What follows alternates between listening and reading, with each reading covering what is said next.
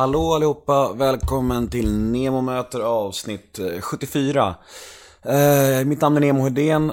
Eh, veckans gäst är ingen mindre än Kjell Bergqvist. Och eh, för mig personligen är detta väldigt stort. Eh, Kjell är en av de skönaste människorna, skönaste offentliga människorna i detta land. Så det känns fett som fan alltså.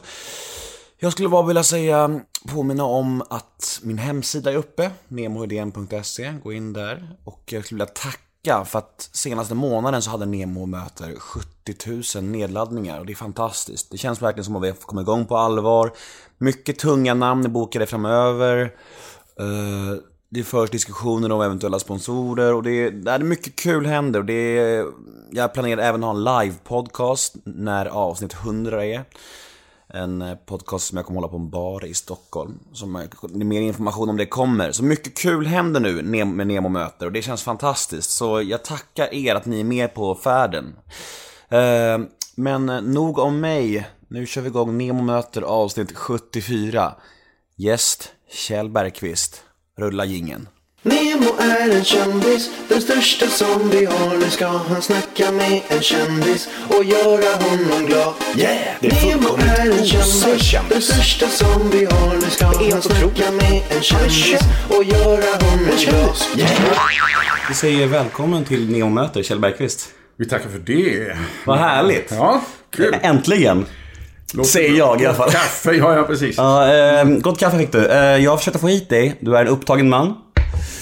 Ja, alltså egentligen inte så farligt nu för tiden. Jag har ju trappat ner ganska ordentligt. Teatern är ju lagd på hyllan sedan fyra fem år tillbaks.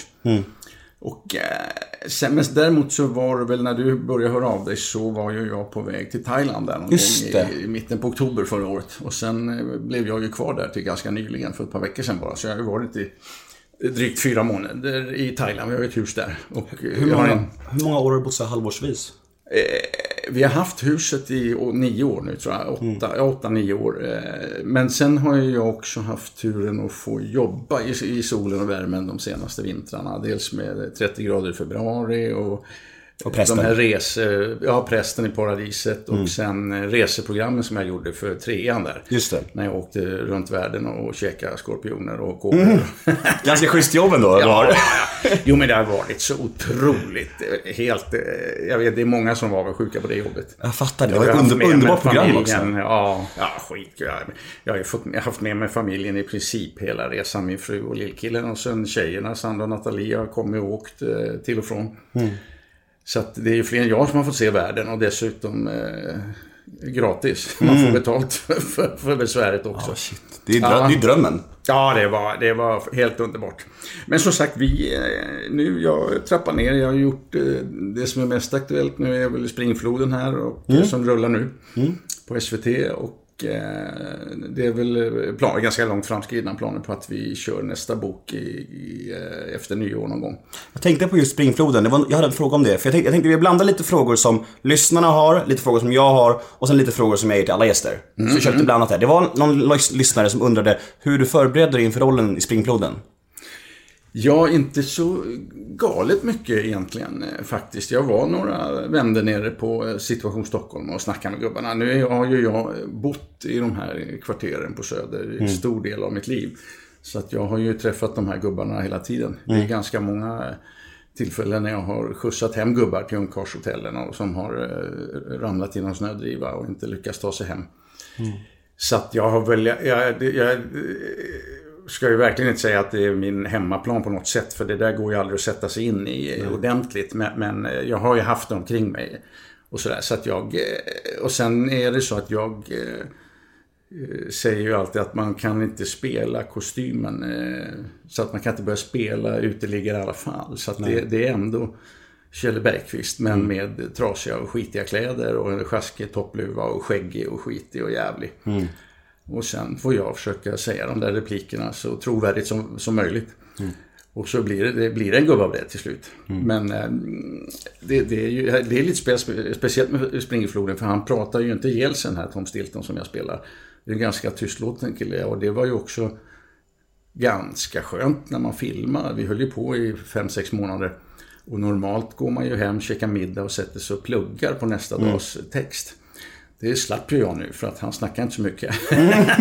så när dagen var över kunde jag känna mig ganska ledig. Ja, jag fattar. Ja, Alltså, jag tänker lite så här, du har, för mig har du varit en lite av en drömgäst av flera anledningar. Först och främst för att jag är ett stort fan av ditt jobb och jag tycker du är en fantastisk skådespelare. Sen, du känns väldigt så här frispråkig och du har nästan alltid varit det. Och sen så är du ju liksom en, du har en skön att lyssna på röst. Så jag har höga förväntningar på det här. Ja, Så ja, ja, det är bra, det är bra. höga krav. Ja. Men det här med transparens och frispråkighet, har det alltid varit så? Alltså, och finns det någon gräns på transparensen för dig känner du? Vad du pratar om? Så här, har du något som är tabu eller? Nej, egentligen inte annat än... Alltså det, mitt privatliv tänkte jag säga, det går ju ihop i allra högsta grad. Det är ju det som är lite svårt med det här jobbet. Att det är så jävla förknippat med ens eh, person. Ja, precis.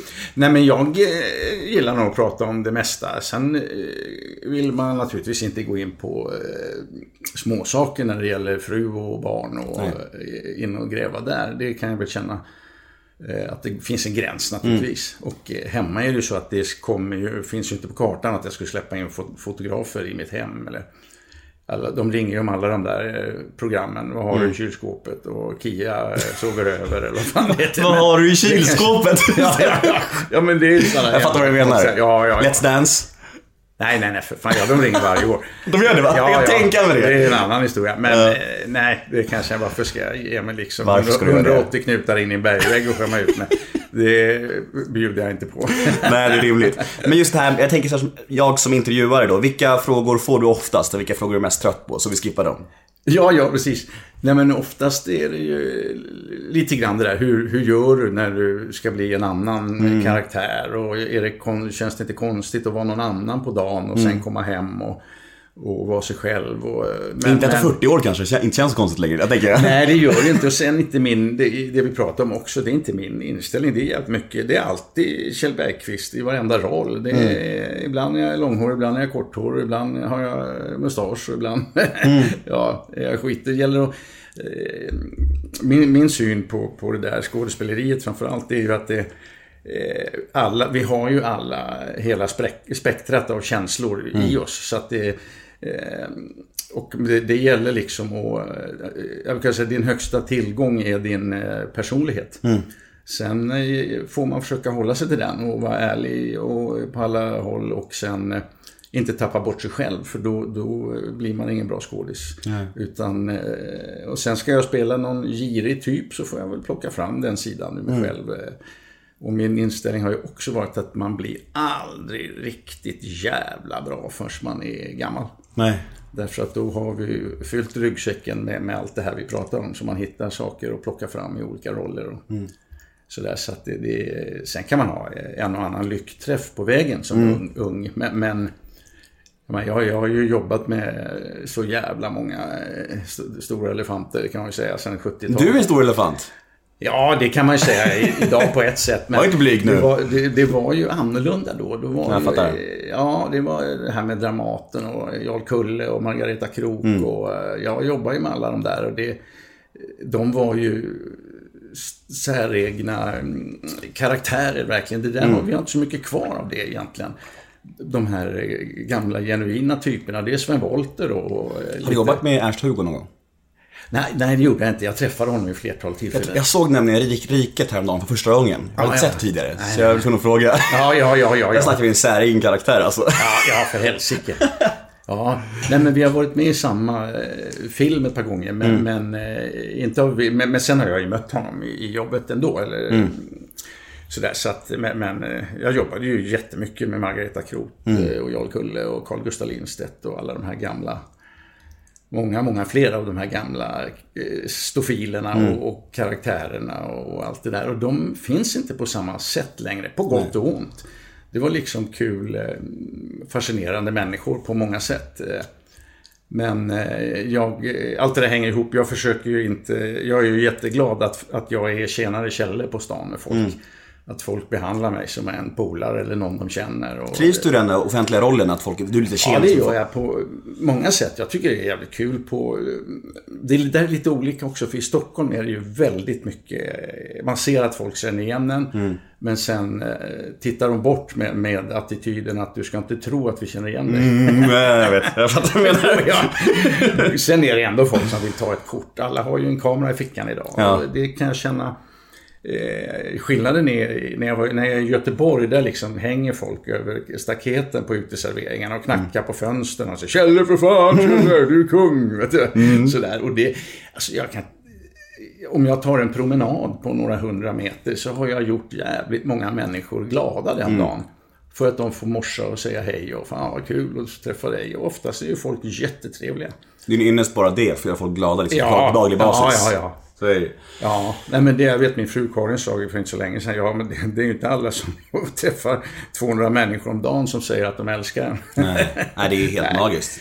Ja, det är det ju. Och det, jag menar, det är fantastiskt tycker jag om jag kan göra en människa glad ändå för att de får ta ett kort. Det tar mig 30 sekunder och, och, och en kram och tjena Kjelle och så. Och idag har du gjort min dag. Ja, ja, ja, ja precis. Och snart flera till. Ja. Nej men, så att på det sättet är, trivs jag. Eh, Jag gillar att snacka med folk också. Jag fastnar ofta min lilla son som är åtta. Kom nu! Det tar alltid en halvtimme att köpa en mjölkflaska. Kom nu! Eller För att man fastnar överallt. Men, eh, men i stort så gillar jag det. Och, De son som är åtta.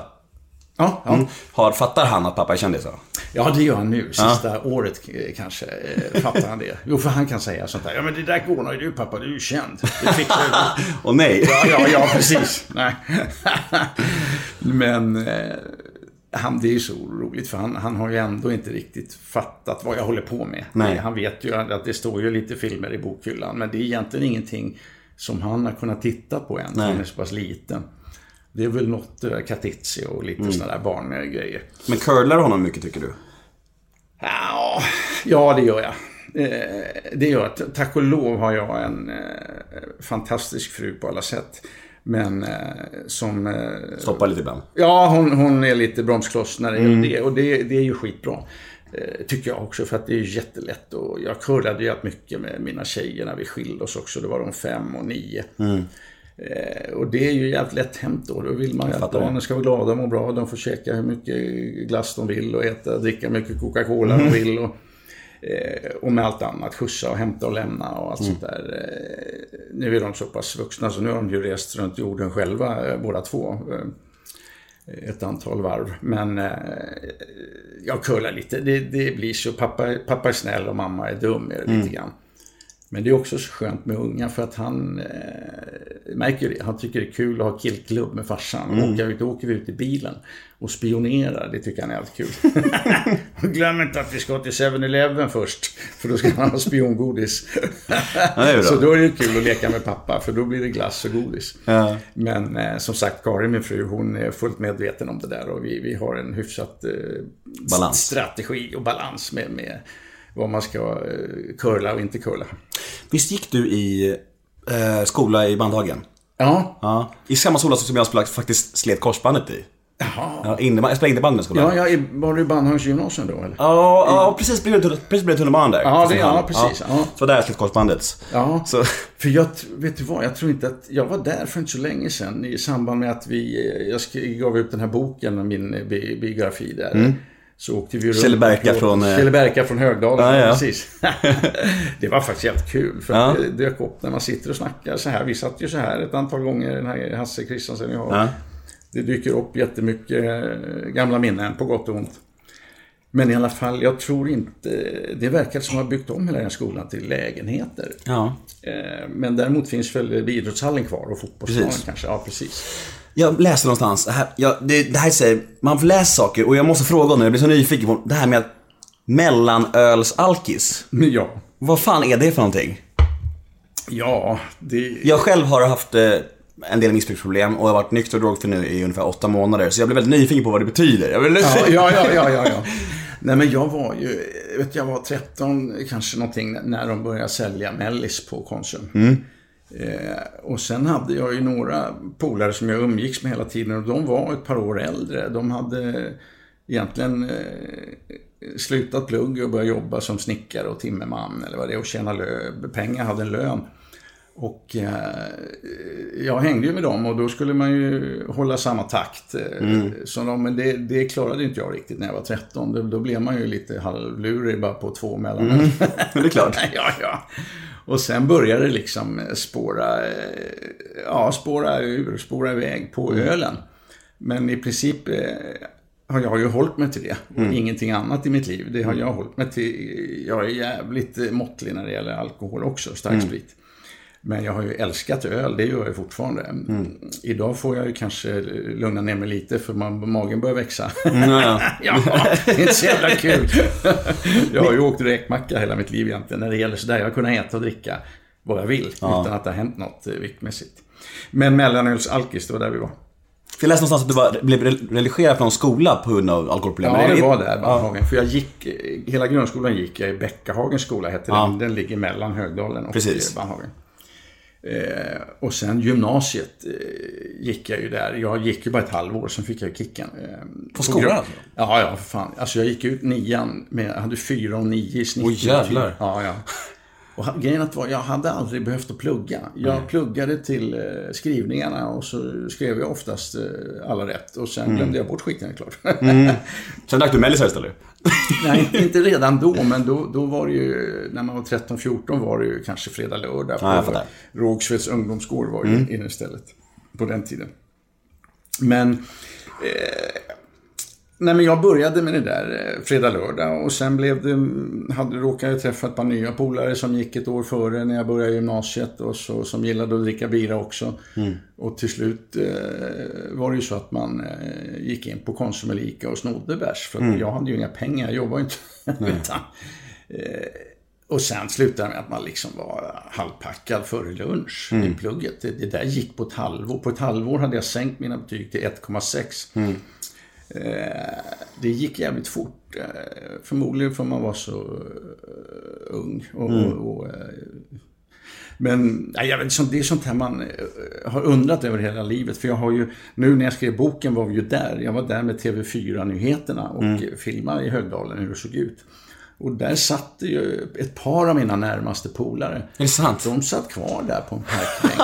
Ja, vet, Sjukt. 45-50 år senare. Som har tid att stå still liksom. Ja, Fy de har inte liksom ens en gång gått igenom grindarna till tunnelbanan och tagit tunnel i princip. Ja. De blev kvar där i den där förorten. Vansinnigt. Ja, och begåvade killar och framförallt idrottsmässigt ett par stycken som var suveräna idrottsmän. eh, Eller bra på allting i sportväg. Men, men det spårar ju någonstans och inte hade karaktär att säga. För då när jag var ung, då, då var de här lirarna började ju röka brass. Och eh, käka Ritalina och P det på den tiden. ADHD-mediciner och sån här. Ja, och eh, någon bantningsmedicin. Ah, ja. Fan det var ja. Som de... Eh, och så, Hur kom det sig att du inte gick in på det då? Eller var det bara att du bara, nej det är för mycket, nu lägger vi av? Ja, Var det- ja var faktiskt eh, var det så. Jag kanske inte sa det rakt ut, men jag sa nej tack, det är bra. Och så hade jag en påse med mina mellanöl. Ja, ja. och det räckte bra. Ja. Nej, men jag, man har ju inte något... Jag har ju grubblat eh, och tänkt på det där jättemycket. Vad gjorde det som... Vad det var som gjorde att jag sa nej, fan, här, här är det stopp. Eh, Det är något genetiskt och sen kanske upp... Alltså jag vet att flera av de här killarna som jag pratade om som blev kvar, de bodde ensamma med sina morsor. Och jag märkte ju då att eh, när morsan sa att eh, ja, du ska vara hemma åtta, då sa jag skit i det, jag kommer för fan jag vill. Det kunde inte jag göra för jag hade en farsa hemma. Han eh, tog mig i kragen och daskade upp mig på den tiden. Om jag körde med den attityden hemma mot morsan. Så att dels det, att jag, att jag hade någon eh, broms. Någon som höll koll på vad jag pysslade med och sa att nu jävlar räcker det. Det, kanske, är intressant det där, precis. För att när man säger spontant så här, just med daska till sig, låter man, och hemskt. Men på ett sätt kanske det räddade dig liksom. Ja, Hjälpte för det i alla fall, liksom. Ja. Grejen var att jag vet att min, min farsa han blev riktigt jävla förbannad en enda gång. Mm. Som jag kan minnas. Han slog mig aldrig. Men det var när jag, så jag var väl 11 12 så sa jävla gubbjävel. Mm. Och då fick jag en eh, omgång. Alltså inget, Mm. inga blåmärken eller något. Men, men en omruskning kan man Mm. säga. Eh, där han tog in mig i badrummet och snackade vett med mig och sa att det är jävla ung jävel. Säg inte det en Mm. gång till för då vet jag inte vad jag gör. Eh, Däremot fick man ju daska av morsan ganska mycket Mm. eh, på den tiden. Hon hade ju ett björkris i städskåpet. ja, ja. Och hade det vissnat så tog hon skohornet. Ja. Daskan i rumpan. Det var ner med brallorna och ondskan typ. Ja, ja, för fan. Inget värre än så. Men, men de skulle lära en att veta hut fan och då... Eh, ja, på den tiden fick man använda dem. Andra bullar då alltså? Vad sa du? Det var andra bullar då alltså? Ja, ja, det var det ju Idag funkar det inte så. Idag. Nej, nej, nej, nej, för fan. Nej men då, det, det är ju jättebra det. Men, men det är ju ingenting jag har mått jättedåligt av tycker jag. Och jag menar, det, de kunde ju också, lärarna kunde ju ta och vrida om örat på en och liksom dra en i örat ut genom dörren. Och stanna, nu stannar vi i korridoren här resten av dagen. fattar. ja, ja. Det var ju helt okej på den tiden. Eh, så ska det naturligtvis inte se ut. Men, men idag är det ju, vi pratar om curla, så, så är det, det, det finns, det är så lite mittemellan. Ja, det är, det är andra hållet nu istället. Ja, Det ja, det. ja, ja, ja. Nu är det verkligen bara hur de, alltså folk blöja upp till gymnasiet och liksom så här Ja, bara... och lärarna får inte skrika eller säga eller göra någonting. Utan Då blir de anmälda av skolan, liksom. Ja, ja, för fan. Det är, håller, jag håller helt med. Det, Ja, måste, det det måste finnas något mellanting liksom. Ja, alltså min ena dottern, Nathalie, hon är 21 nu, hon gick i skolan där nere. Vi bodde ju i Torshälla då efter skilsmässa och, det, och eh, hon gick i skolan där och tyckte att när hon gick liksom i femman, sexan, vad fan, jag ändå ska gå i skolan och vill lära mig någonting. För det var, det var liksom 27 elever, en fröken som var så jävla liten som syndes inte när man kom in i klassrummet. Och som då skulle hålla liksom ordning på 27 eh, ton, blivande tonåringar. Liksom. Men så hon sökte själv upp, vi började luska, och hon hittade Engelska gymnasiet, äh, Engelska skolan i Eskilstuna. Så där gick hon 7, 8, 9 och eh, sen i gymnasiet eh, här på Söder. Där var det så att eh, inga mobiltelefoner, bannlyst, fick de, sno- de konfiskerades. Inte ens en gång på lunchen eller på rasterna, utan den skulle låsas in i skåpet möjligen på morgonen och sen eh, och eh, inga jävla kepsar, inga tuggummin. Eh, Man sa, gick på led in och sa Good morning Mr Smith, Good morning Mr Smith. Och tittade varandra i ögonen och liksom, det, var, det var verkligen inga överdrivna och hårda, tuffa regler och inga bestraffningar. Men det, det fanns en viss jävla norm som Det var en viss respekt om det. Ja, ja, ja, precis. Och vi är här för att lära oss saker. Inte Precis. för att hålla på och jävlas med varandra och spela Mario. Nu är det ju snack om att kasta sten i glashus för min del, som, som ju var världsmästare på det på den tiden. ja, det var ju mycket så. eh, I och med att jag var ganska snabb i de flesta ämnen, liksom, så kanske jag hade en kvart, 20 minuter till godo varje eh, eh, lektion. Där jag var klar med det jag skulle göra. Och då ägnade jag ju resten till att jävlas med Jävelskap. Ja, på den tiden var det inget farligt. Jävlas med någon som inte var klar, liksom. Nej, nej, precis. Nej, men då var det man kastade lite blöta svampar. eh, Ja, jag fattar. Ja, ja, och kriter och lite trams sådär. Så att värre än så var det ju inte. Jag fattar. Jag tänkte så här, det var alltså 43 år sedan som du gick på Dramatens elevskola. Det är ganska, det är ganska länge. Det är ganska länge. Hur, alltså, har du någon punkt i karriären som du på rak arm känner så här, det här är jag mest stolt över? Eller är det, svår, är det som att ranka sina barn? Eller det, kan du säga någonting som du säger att du är mest... Den här rollen var riktigt jävla bra av mig liksom. Ja, alltså det har jag. har väl några stycken eh, tv-grejer och filmgrejer och eh, Som du är ett stoltast par, tre, kanske teater först. Jag har vi gjort, jag vet inte, 30-40 uppsättningar på teater, men det kanske är, säg att det är tre som jag är hyfsat nöjd med själv, för min egen. Jävlar. Ja. Och Du är så alltså, självkritisk. film, eh, Ja, alltså det är så, man har ju ofta en jävla ambition när man går in i saker. Man tror ju att varenda grej ska bli eh, det bästa man har gjort. Men det lär man sig ju snart att det, nej, vissa saker är brödjobb. och eh, de här godbitarna dyker upp då och då. Eh, Men det är som med filmer och tv-serier. Så att jag har, jag vet inte, 7, 8, 10 som jag känner att eh, jävlar, det här blev riktigt bra. Och jag Kan man bra. känna sånt innan? Alltså, Ja, men gärna, ganska tidigt ofta känner man det under en inspelning. Om det inte händer något exceptionellt senare. Men, nej, men det, man känner ganska snabbt eh, vartåt det barkar faktiskt. Men, eh, nej, men det är som med filmen. Jag har väl gjort, jag vet inte vad det är, 150 drygt. Film och tv-serier. Och det är, så att det är 10 som jag är eh, hyfsat nöjd med. jag har två som sticker ut. Ja, om, om du vill ja. höra, om du vill höra. ja, ja, ja, ja. Roligaste tycker jag du är Smala Sussi. Jag Ja, tyckte ja, att det var, ja. det är en av mina favoritfilmer i Sverige. Jag tycker Ja. den är fantastisk. Och jag såg den säkert, jag har säkert sett den 20 gånger kanske. Ja, ja, alltså ja, fan. fantastisk. Ja, ja. Så rolig.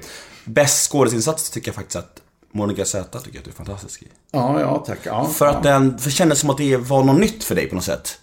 Det kändes som att du Ja. inte spelade så mycket och det var liksom så här shit vad han, att, att, att du kunde behärska flera olika roller. Och det, det, det visste man ju, men just det där, det var så här skör och det var väldigt, jag tycker, jag var jättefint faktiskt. Ja, tack. Ja, för fan. Nej, men jag, den är jag jättenöjd med. Det Mm. kände man ganska tidigt att den här eh, Per Fly, som han hette, regissören, var ju helt fantastisk Mm. eh, att regissera.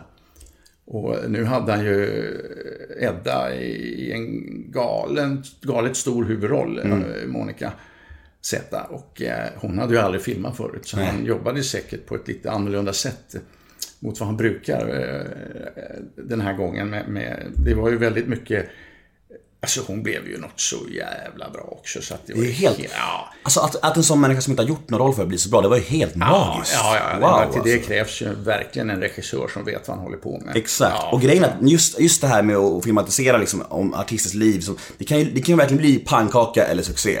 Alltså du vet, ja, ja, ja, för fan. det är som en chans, värsta chansen. Det är som att kolla, nu ska vi inte, inte få dissa andra, men jag såg, jag såg Cornelis-filmen och jag tyckte alltså som, som försökte vara lite Monica Z, fick jag känslan av, men inte alls lyckades med samma grej. Det är verkligen som att man, det kan verkligen bli himmel eller pannkaka sådär. Ja, det kan bli. Det, det kan det verkligen bli. Men eh, som sagt, eh, det, där, det blev ju riktigt jävla bra. Och, och eh, det- det är ju en gåta att de lyckas hitta denna jävla begåvade tjej, Edda. Hur hittar de henne? Vet du det? Nej, jag vet inte exakt. De, de lyssnade ju runt. Man ringer och folk eh, runt om och frågar om eh, alltså musikmänniskor. För Hon var jazzsångerska va? Ja, ja, ja. hon har Hon ett är det nu band. med. Hon har ett band och hon är det nu med som, som hon åker runt med och gör, och gör plattor och sådär också. Så att, eh, men jag menar, dels dessutom så jävla porträttlik. Ja, löjligt. Ja. Men det, kan, det är som du säger, det kan ju bli pannkaka. När jag läste manuset så var det ju så att det var ju eh, Vilgot Sjöman en stor roll. Eh, eh, vad var det mer? Det var flera. Alltså Tage.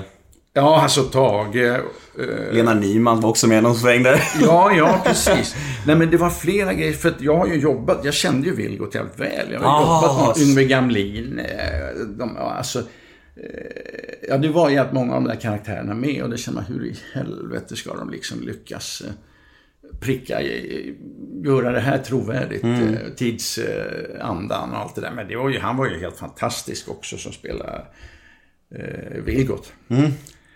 Men som sagt, det, det, ja, men det, jag kan hålla med dig. Den, jag har väl några till som jag tycker. Jag, jag tycker nog att kanske kocken är en av dem, absolut. eh, Därför att det var eh, bästa, för att det var, det är nog den svåraste roll egentligen jag har gjort. Och det var ju också en jävligt fascinerande inspelning, inspelning i Sydafrika och på eh, lastbåt på Atlanten. Och, Vad är egentligen, om man tänker så här, vad är roligast att, att, göra som skådespelare och vad, vad är svårast? Skulle jag säga. ja, Vilka roller liksom? Ja, det är svårt att säga. Alltså, roligast är ju lite grann kocken. eh, Mm. Där man får vara riktigt jävla sadistiskt elak. Det, det är ganska kul att få gå till jobbet och vara det. Mm, jag fattar. Sen Mäklarna är ju också en sån där eh, som jag har gillat att spela. Precis som i, i Leva livet och eh, några andra. Någon riktig loser sådär. Eh, Och, och eh, han Kaj, mäklaren, mäklarna är ju en skön typ. Så- Alltså en människa som har så jävla usel självbild. Alla runt omkring ser att det här går åt helvete, men själv kämpar man på. Eh, nej men det, det är också blandat. Alltså ibland är det jävligt kul att göra drama som eh,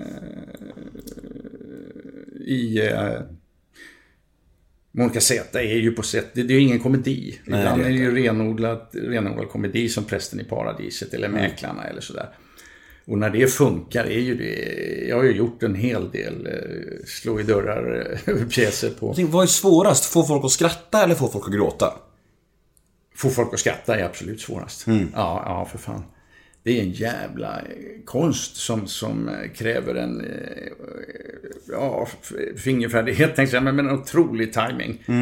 Det är ju så jävla uppbyggt på timing och där är det ju svårt när man gör långfilm. Det är inte helt lätt att göra komedi därför att man har ingen referens.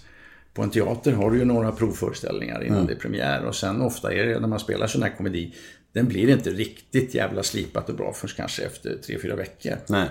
Eh, Så det är jävligt svårt. Och kan man, min inställning också varit, kan man det, är man en bra komiker? Jag tycker ju, jag är ju god vän med Johannes Brost eh, bland annat sedan jävligt många år tillbaka. Jag, jag tycker att Johannes är en av, en av våra absolut bästa komiker. Eh, för han har en jävla timing och är rolig som fan och snabb i käften. Det var därför han var så, han var så jävla rolig i Rederiet. Ja, ja, ja. så ja, man skrattade ju ja, högt åt honom alltså. Och så mycket, vi har gjort jättemycket eh, komedier på teatern och, Mm. och eh, på tv också. Sådana här lösnummer och vad de nu hette på, på den tiden. Men, eh, och då är också, eh, kan man det så kan man det andra också. Mm. Eh, absolut, för jag menar ett exempel på det, ett jävligt bra exempel, det var ju Carl Gustaf Lindstedt som var ju en renodlad komiker, verkligen. Han var ju han var med i Pistvakt en sväng. Och min farsa gjorde ju musiken till Pistvakt. Ja, ja, ja. Så okej. han var, han var gammelgubben och han var jävligt rolig. Riktigt bra timing hade han. Snabb, kvick. Ja, så in i helvete, så in i helvete. Eh, och sen, men sen blev han jag kommer ihåg när han, han skulle göra Mannen på taket med Bosse Widerberg. Då skulle han ju vara en allvarlig snut. Och folk i branschen sa, "Nej, fan, vet, en massa besserwisser, hur fan kan jag ta Carl Gustaf, det blir jättekonstigt. Och. Så visade sig att han var ju så jävla bra. Eh, sen blev det ju flera sådana. Jag jobbade med honom också i Babelshus, hette någon stor eh, tv-serie som var ett rent drama och sådär. Så att det, han, han eh, växte ju med det där också. Helt plötsligt fick- fick han en ny eh, bana på gamla dagar. Och var lysande. Jag har faktiskt eh, hånglat med hans barnbarn, Ida Lindstedt. Bara så du vet, får du record.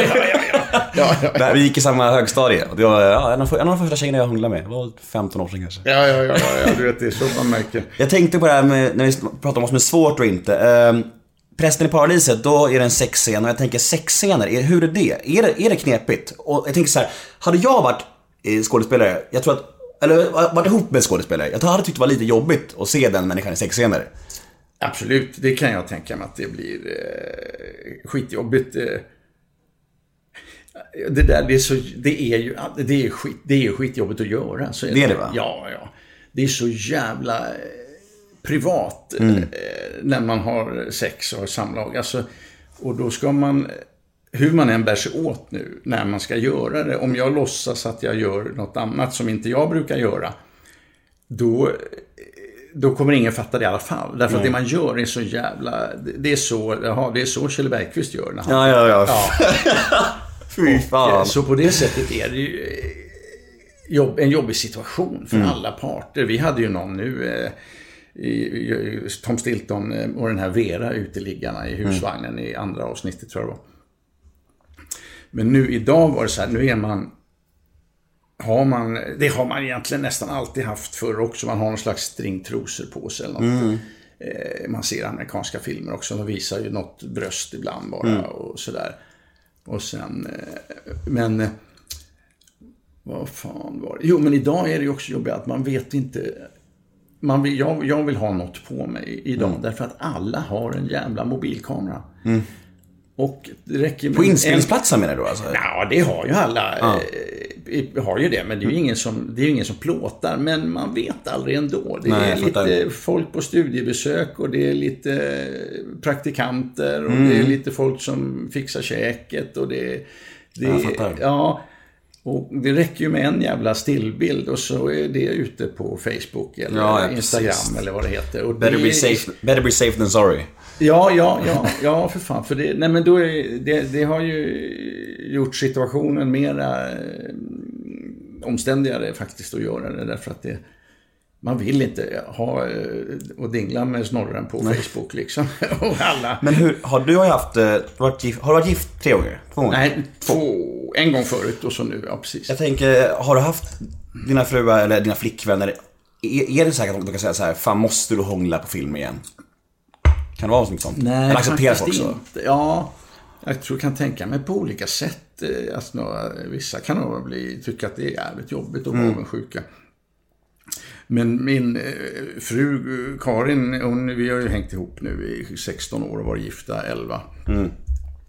Hon sa redan i början på vårt förhållande, så sa du kan, du kan hångla med vem fan du vill på film och göra vad du vill med vem som helst, men inte med Eva Röse. Underbart! Ja, ja, för hon är jävla, hon är snygg, hon är eh, klok, hon är rolig. Hon, har, alltså hon räknade upp Jag jättemycket. Ja. Så henne är det fan. Och så, så har, har du dykt upp någon roll med henne? Ja, ja, ja, för fan. Men ganska många år senare. alltså, Jag har ju känt Eva i väldigt många år. Vi filmade ihop kanske för 30 år sedan också. Men eh, jo, sen gjorde vi ju till att börja med gjorde vi ju Fadren på Stadsteatern. Eh, där var ju inte så mycket hångel i och för sig, men det, vi umgicks ju dagligen i, i två månader innan premiären och sen spelade vi ihop ett antal. Eh, och sen, eh, ja, nu kommer jag inte ihåg, men det var, det var något. Det kanske dyker upp sen. Ja, det var något tillfälle. Ja, precis. Ja. När jag var tvungen att göra det i alla fall. Men grejen att det där, är- Karin gjorde det verkligen med humor och sen, eh, hon kunde ju fråga mig då i början, vad, ska, du, ska du hångla på jobbet idag eller? Ja, det är möjligt, så. Ja, ja. Eller imorgon, sa hon. Ska du hångla på jobbet imorgon? Ja, ja, ja. Ja, kanske det, så här. Ja. Och sen sa hon inget mer. Men det Nej. var så jävla mycket vitlök i maten. fattar. Man får ha sina knep liksom. ja, ja, ja, ja, ja. Jo. Nej, så de, de bekymren finns inte nu på gamla dagar. Och eh, som sagt, det, det är mest det här skiten att man inte vill hamna på nätet i Nej. vilka situationer som helst. Som blir lösryckta ur sitt sammanhang, så att säga. Precis. Sen så vet man ju också, alltså om man, om man blir ihop med en skådis så vet man ju också vad man ger sig in på. Man får liksom ta lite, lite kaka. Ja, så är det ju, precis. Så är det. Eh, det är jättemånga människor som är nyfikna på en viss grej som hände för många år sedan. Eh, och jag, jag vet inte om det här är känsligt, jag har ingen aning, men jag, jag frågar ändå. Det är ett klipp på YouTube där du eh, dissar en journalist hos Robert Aschberg. Ja, ja, ja. Fan, ja, ja visst. Eh, jag är jättenyfiken på det, så kan du berätta om det? Eller vad det var, vad som hände och sådär? För jag har hört lite, alltså, lite oli- olika versioner, att, var, att det berodde på... Någon sa att det berodde på att, att han var en journalist som du hade något tjafs med på grund av att han har gett en kamera till dina döttrar. Ja, det var en annan journalist. Okej, Eh, ja. Senare. Ja, ja, men du får gärna berätta. Ja, ja. Nej, men det var, eh, det var ju ett program som hette Diskutabelt. Och eh, där artister och skådespelare skulle samtala med kritiker. Och eh, då var det så att den här Tom Hjälte som han hette, mm, han eh, var ju, eh, vad heter det, Aftonbladets största jävla skvallerkärring. De hade ju liksom börjat öppna någon slags skvallersida. Han hade någon sån där tio topplista där han dissar kändisar och kallar oss för lobotomerade idioter och eh, narkomaner och alkoholister och allt vad det är. Och det där står liksom tidningen bakom, eh, att han kan hålla på sådär. Så att, eh, när, ganska snabbt när programmet började så sa han någonting till mig. Jag kommer inte ihåg vad eh, egentligen, men jag, jag sa direkt, vad fan gör du här? Du är väl för fan ingen kritiker, du är en importerad kinesisk jävla skvallerkärring. Det var det. Och verkligen med betoning på skvallerkärring. Och eh, då, då börjar ju stora gråtkalaset. Ja, med rasist eh, Bergqvist.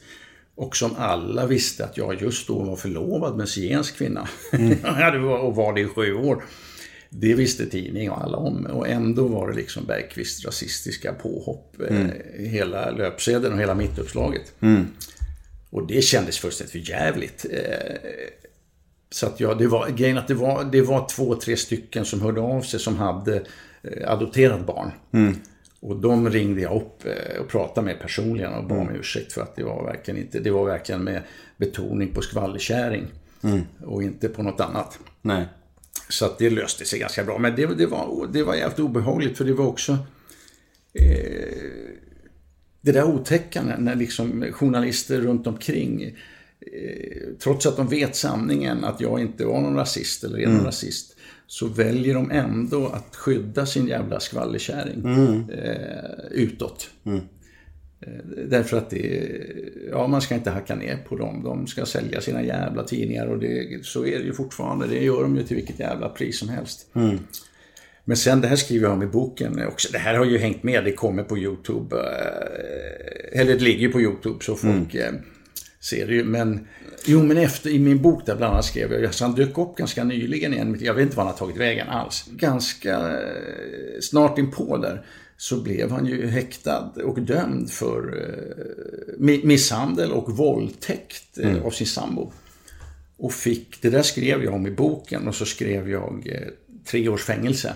Då är det så att då måste Norstedt som, som han, han blev ju satt i fängelse. i- Men Norstedt som gav ut boken måste kolla igenom vissa grejer med jurister.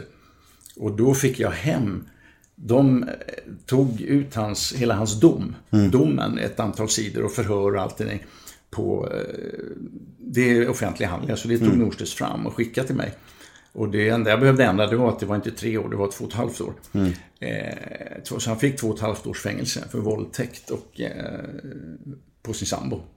Och misshandel och allt vad det var. Ja, för fan. Så att det, det var ingen rolig typ. Men ehm, För att jag tycker att för, för, för många människor, eller många människor är ju att ta i, men det finns några kommentarer där på YouTube, folk som ser det klippet och det blir så här, folk bara ah hycklare. För att du är ju, idag är ju du, alltså jag vet ingen offentlig människa som gör mer för de nyanlända flyktingarna än du. Och, och du pratar inte ens om det, du bara är där och gör massa. Kan inte du berätta lite om ditt arbete du har gjort för flyktingar? För att jag vet att du inte vill skryta om det så här, men jag tycker att det är fantastiskt och många gör det. Så jag skulle gärna höra lite. Du har ju åkt, hängt på centralstation och så här och... Ja, gjorde jag. Nej, Jag kommer ihåg mycket väl för jag var, jag, eh, vi har ju bildat någonting som heter Refugees eh, Welcome Stockholm, en, en förening där jag sitter med i styrelsen nu. För att eh, problemet pågår ju fortfarande även om det just nu har dämpats lite. Eh, nej, men jag klev av centralstationen, jag var och filmade Göteborg, Springfloden och sen klev jag av en fredag eftermiddag på T-centralen. Och så utanför, jag skulle gå till taxistation, så stod det ett litet bord så här med, med lite drickor och bananer och mackor och eh, väldigt mycket människor med, med ryggsäckar och eh, eh, sådär. Så jag fattar ju, jag fattar ju vad det rörde sig om. Men jag började prata med tjejen som stod eh, vid det här bordet och delade ut grejer. Så var, det såg lite tunnsått ut. Så är det någonting jag kan hjälpa till med eller är det något ni vill ha?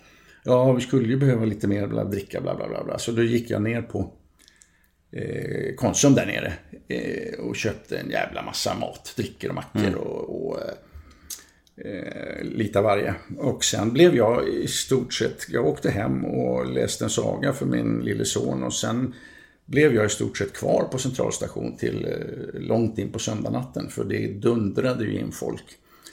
Och det, jag skjutsade folk till, eh, jag gjorde det jag kunde. Jag bredde mackor, jag skjutsade folk till moskén och till eh, olika boenden och handlade jävligt mycket käk och eh, Hur många, hur många timmar var du där?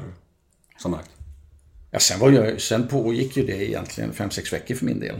Jag var i, ja, i stort sett varje kväll var jag antingen på T-centralen på helgerna när jag var i Stockholm eller också i Göteborg. Det var ju samma eh, problem i Göteborg. Men Det kom ju massor med folk dit också.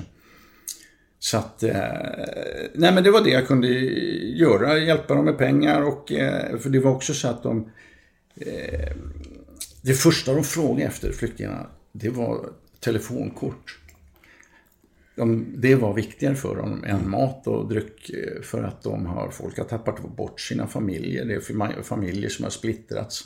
Kompisar som eh, de inte vet om de har åkt tre killar och den ena har försvunnit på vägen. Och, Fy fan. ja, ja. Så Den här mycket sånt. var ju- Ovissheten, ovissheten. Ja, ja, ja, du vet, det är så jävla...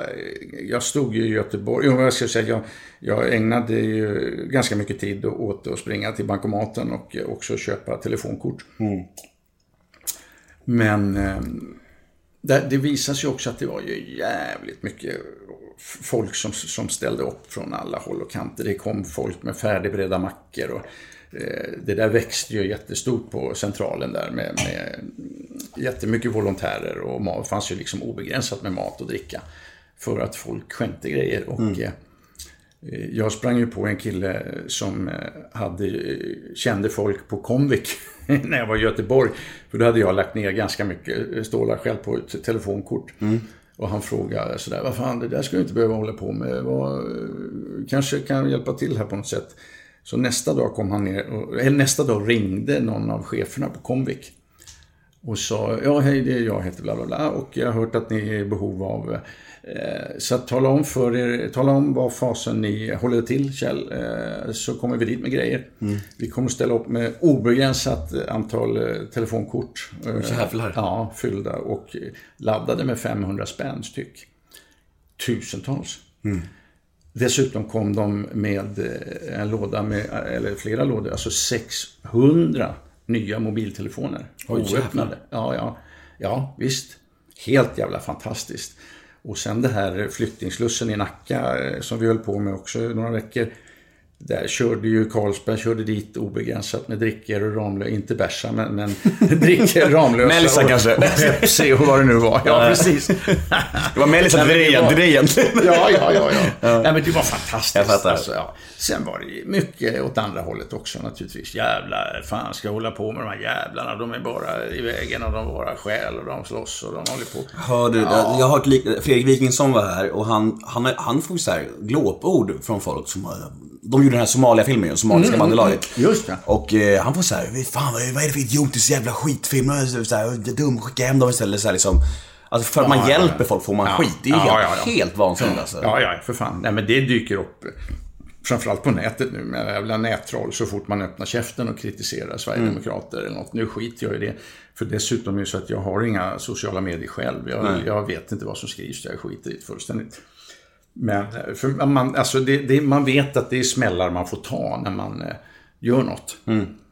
För, eh, jag menar det var ju, eh, jag bad väl, sa ju åt Löfven på den här välgörenhetsgalan när jag sa åt, eh, i intervjun med Kattis Sahlström där, när det Precis. var stora grejen på Globen, när jag sa att regeringen och, eller Löfven kan lika gärna gå ner på centralstationen och pissa på flyktingarna, för det är det de håller på med. Därför att de gjorde inte ett jävla skit. Så småningom lite grann, men fortfarande inte speciellt mycket. Eh, och sen, eh, jag menar, då dyker ju nättrollen upp eh, naturligtvis. Eh, som, eh, dels var det sådär, så där behandlar man inte statsministern. Det gick ju bara ett par veckor så var det hela löpsedeln igen där jag sa att nu får du ta ut tummen och arslet och sätta igång. Men jag tänker så här, du har varit, du du är väldigt engagerad i flyktingfrågan och eh, lite politiska budskap. Har, du har aldrig funderat på att ge in politiken på allvar? Nej, nej det har jag faktiskt inte. Det, det, jag har fått den frågan då och då. Det är att det, det, det har ju under årens lopp har det ju varit att många som på stan som säger Kjell för fan, du borde bli statsminister för fan. nej, det har jag inte. Det, det tror jag inte att jag kommer att göra på något sätt heller. Eh, Men är du nöjd med Stefan, Stefan Löfven? Nej, det, nej, det är jag inte. Alltså grejen är att jag, eh, nu sista åren är jag ju liksom medlem i, i FI, men, men eh, eh, jag har ju varit, jag ju egentligen eh, född sosse. Med, med arbetarfamilj och allt vad det innebär och söder och eh, allt det där. Så att det, det där att kliva över gränsen högerut, det har ju aldrig funnits på kartan liksom. Nej. Utan, men eh, nej, inga, inga ambitioner eh, att ta mig fram inom politiken. Jag fattar. Just, jag, jag snuddade vid den här frågan. Eh, det var ett rykte som jag hade hört och det var så intressant. Det här med att någon journalist har gett dina döttrar en kamera. Just det. Berätta den historien. Ja, det var ju så här också. Det är en, det är en lång historia på ett sätt. Det var ju den här... ehm, eh, under min skilsmässa där för 16-17 år sedan så var det ju ett par eh, journalister som var, jobbade på eh, skvallerpressen. Med Yvonne Ryding. Johan T. Ja, just det, när vi skilde oss. Johan T. Lindvall. eh, på- Som idag är så här, kung, kungahus. Ja, han kallar sig för hovreporter. Ja, ja. Han, han kan få göra det. Han kan få göra det. Ja, ja, verkligen. Och sen eh, Daniel Nylén, som jag inte riktigt vet var han har tagit vägen nu. Mm. Nej, han hade försvann. Inte, ja, han försvann också. Men- Men, eh, nej, men de var värst då. eh, Och det, det var ju liksom löpsedlar, eh, lögner och skit varannan vecka i ett och ett halvt år. Som mina barn skulle behöva läsa. i- De där står ju lagom i, i näshöjd för barnen också i affären. Så Ja, ja, precis, precis. Så att eh, jag var inte så förtjust i dem där. Och sen visade det sig att Aftonbladet värvar ju över eh, ifrån skvallertidningen Hämta Extra, vad fan det var, eh, Daniel Nylén. Eh, och då svarade Expressen med att ta över Johan T Lindvall ifrån Se Hör. Okej. Så nu anställde kvällspressen två av de värsta jävla skvallerkärringarna. Fan. Ja, ja, ja. Och eh, ja, jag har haft några möten med dem. Jo, precis, det var det. Så- Det här är nu 15-16 år sedan. Vi var på, då hade jag ju träffat eh, Karin ganska nyligen, min nuvarande fru. Eh, vi var ju en vecka nere på det här Fångarna på fortet.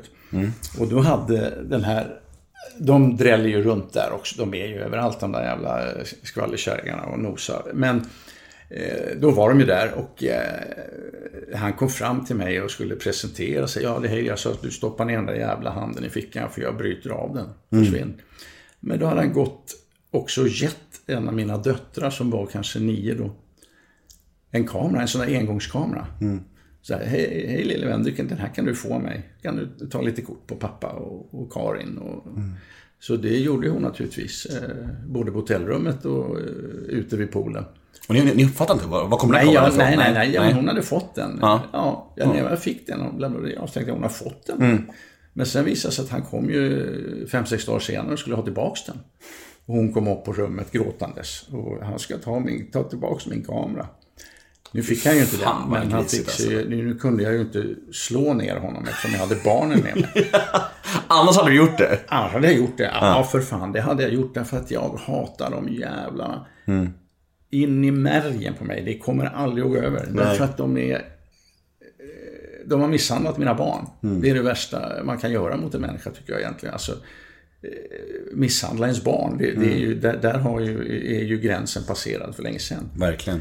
Och i slutändan var det ju det de gjorde därför att de skulle, eh, och med rena lögner och sen var det ju så att de, eh, skvallerpressen tog ju inte mitt parti eftersom jag aldrig haft något umgänge med dem. Jag säger alltid dra åt helvete och lägger på lun. Men eh, Yvonne förde ju en dialog med dem och då väljer de ju sida. Då, då var det ju sopa banan med mig, med mig hela tiden.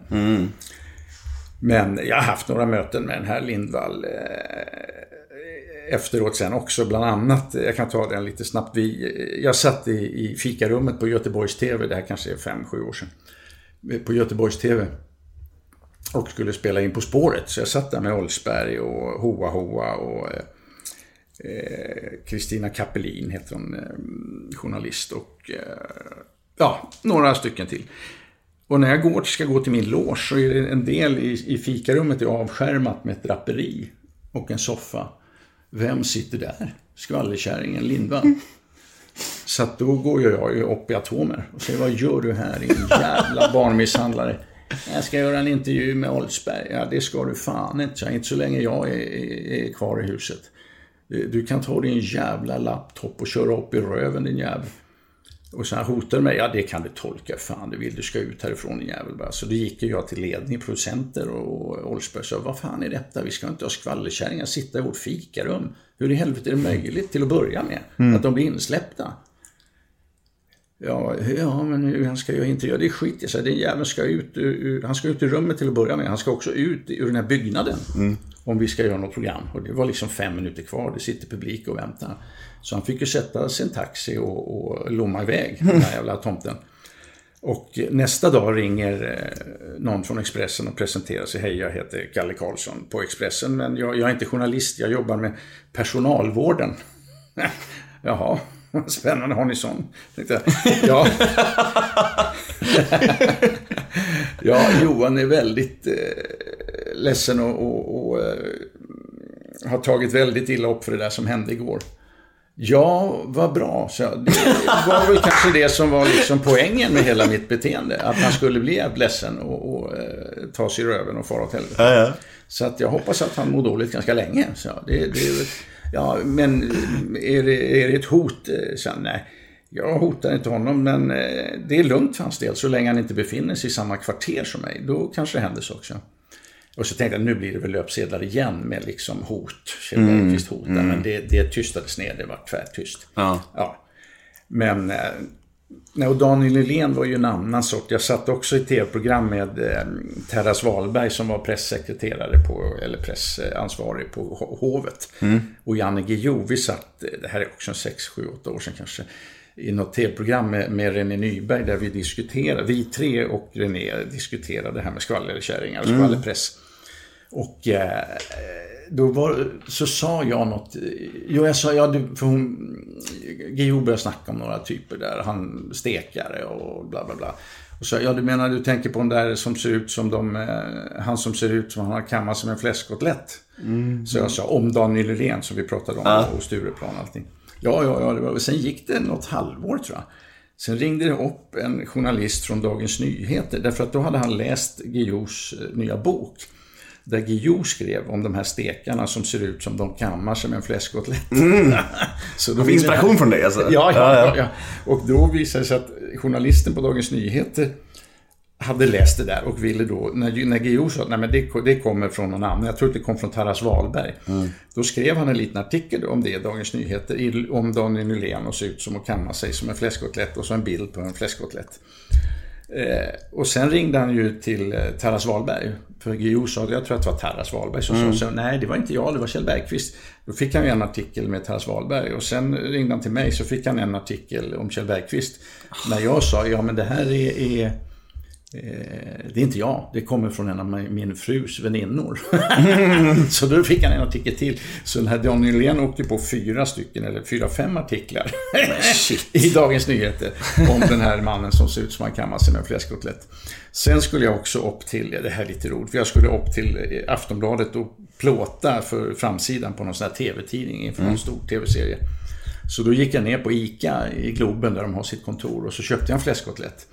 Och la i, och la i ett kuvert i internposten.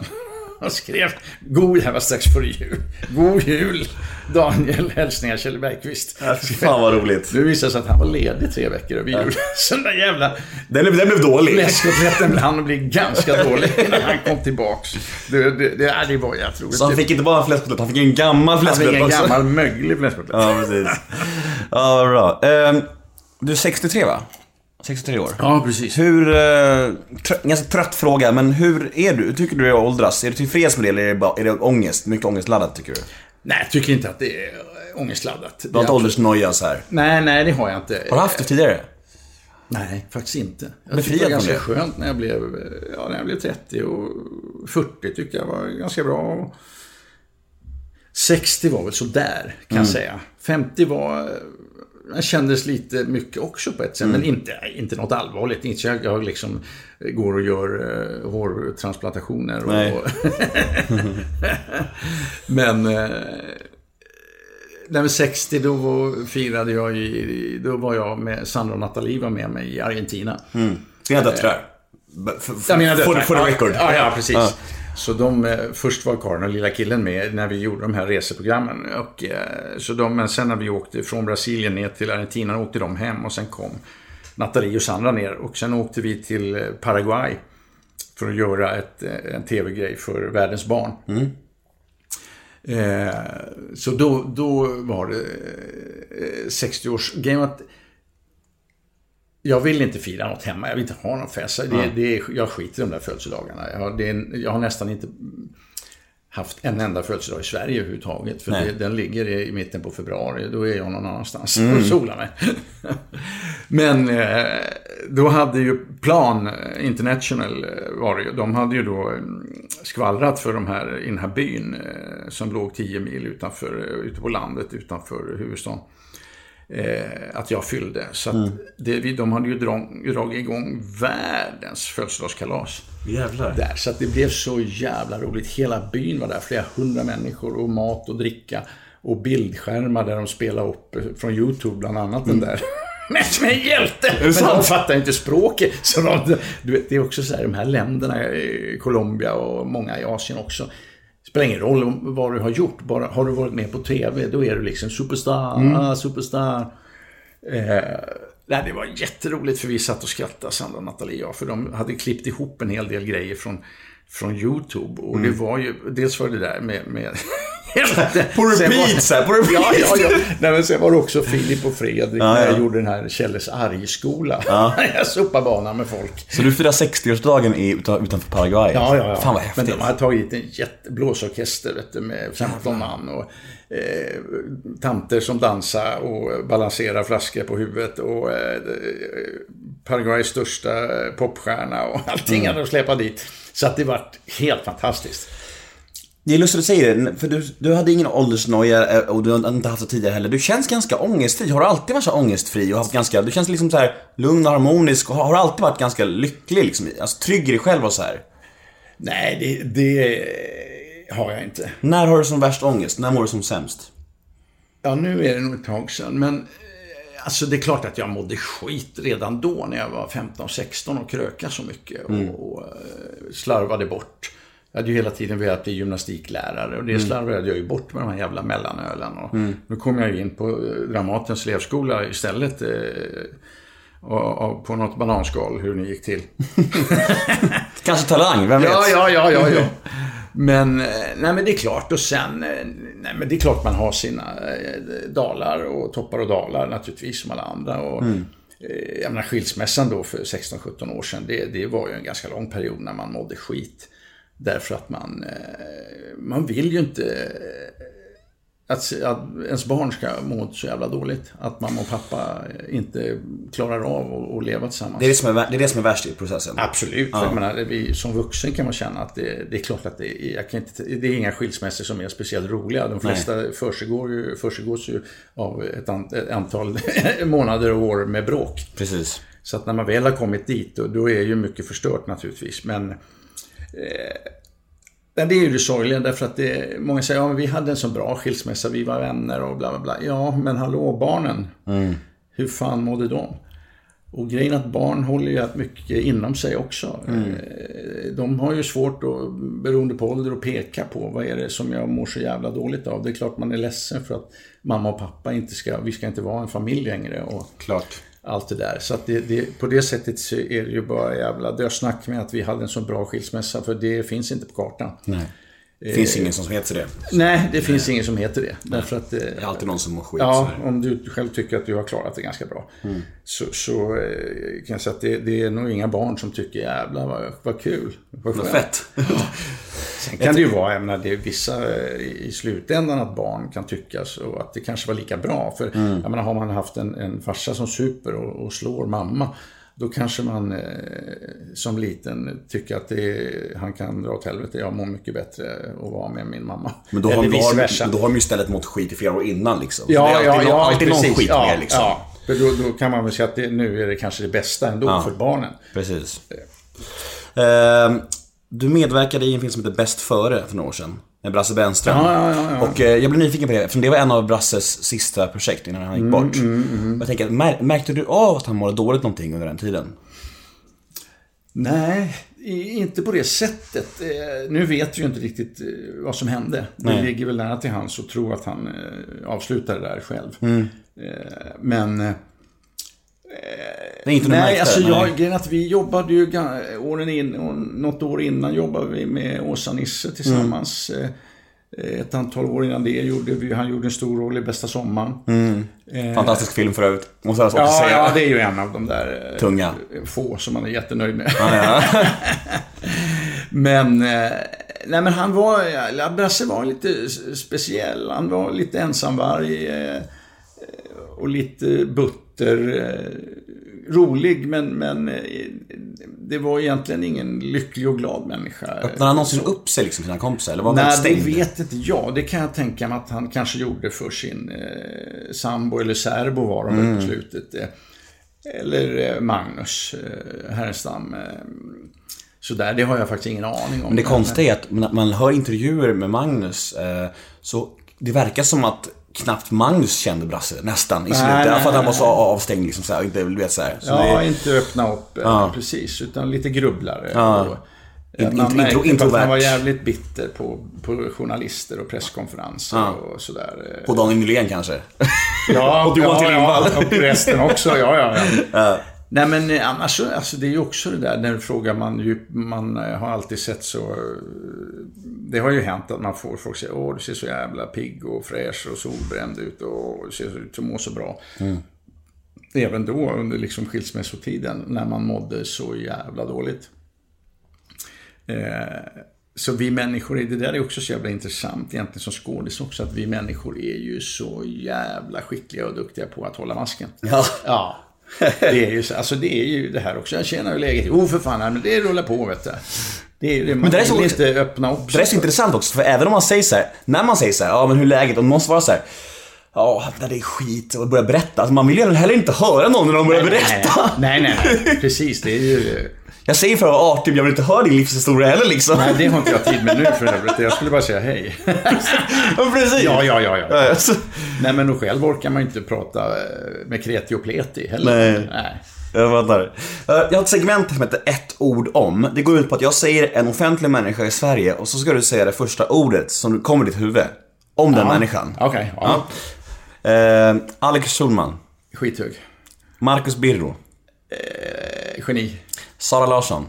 Eh, Kalas. Jimmy Åkesson. Usel. Leif GW Persson. Udda. Bra, där har du det. Ja. Eh, när grät du senast? Eh, ja. Det kan jag säga att det gjorde jag nog eh, ett par kvällar när jag kom hem efter att ha stått på eh, centralstation och tagit emot, för, eh, hjälpt till att ta emot flyktingar. För att det var så oerhört mycket människoöden. Alltså det, här, det, det är så mycket i livet som man inte riktigt eh, förstår vidden av förrän man, ser, förrän man har det in på sig. För det, vi har ju, det pågår hela tiden en diskussion om det här med flyktingar som bara blir en siffra Eller de här eh, rumänska eh, romerna som sitter och tigger. Och alla drar liksom alla över en kam, men det är ju bakom varje pappmugg eh, som romerna, när de sitter utanför Konsum, så, så är det ju ett människoöde. Mm.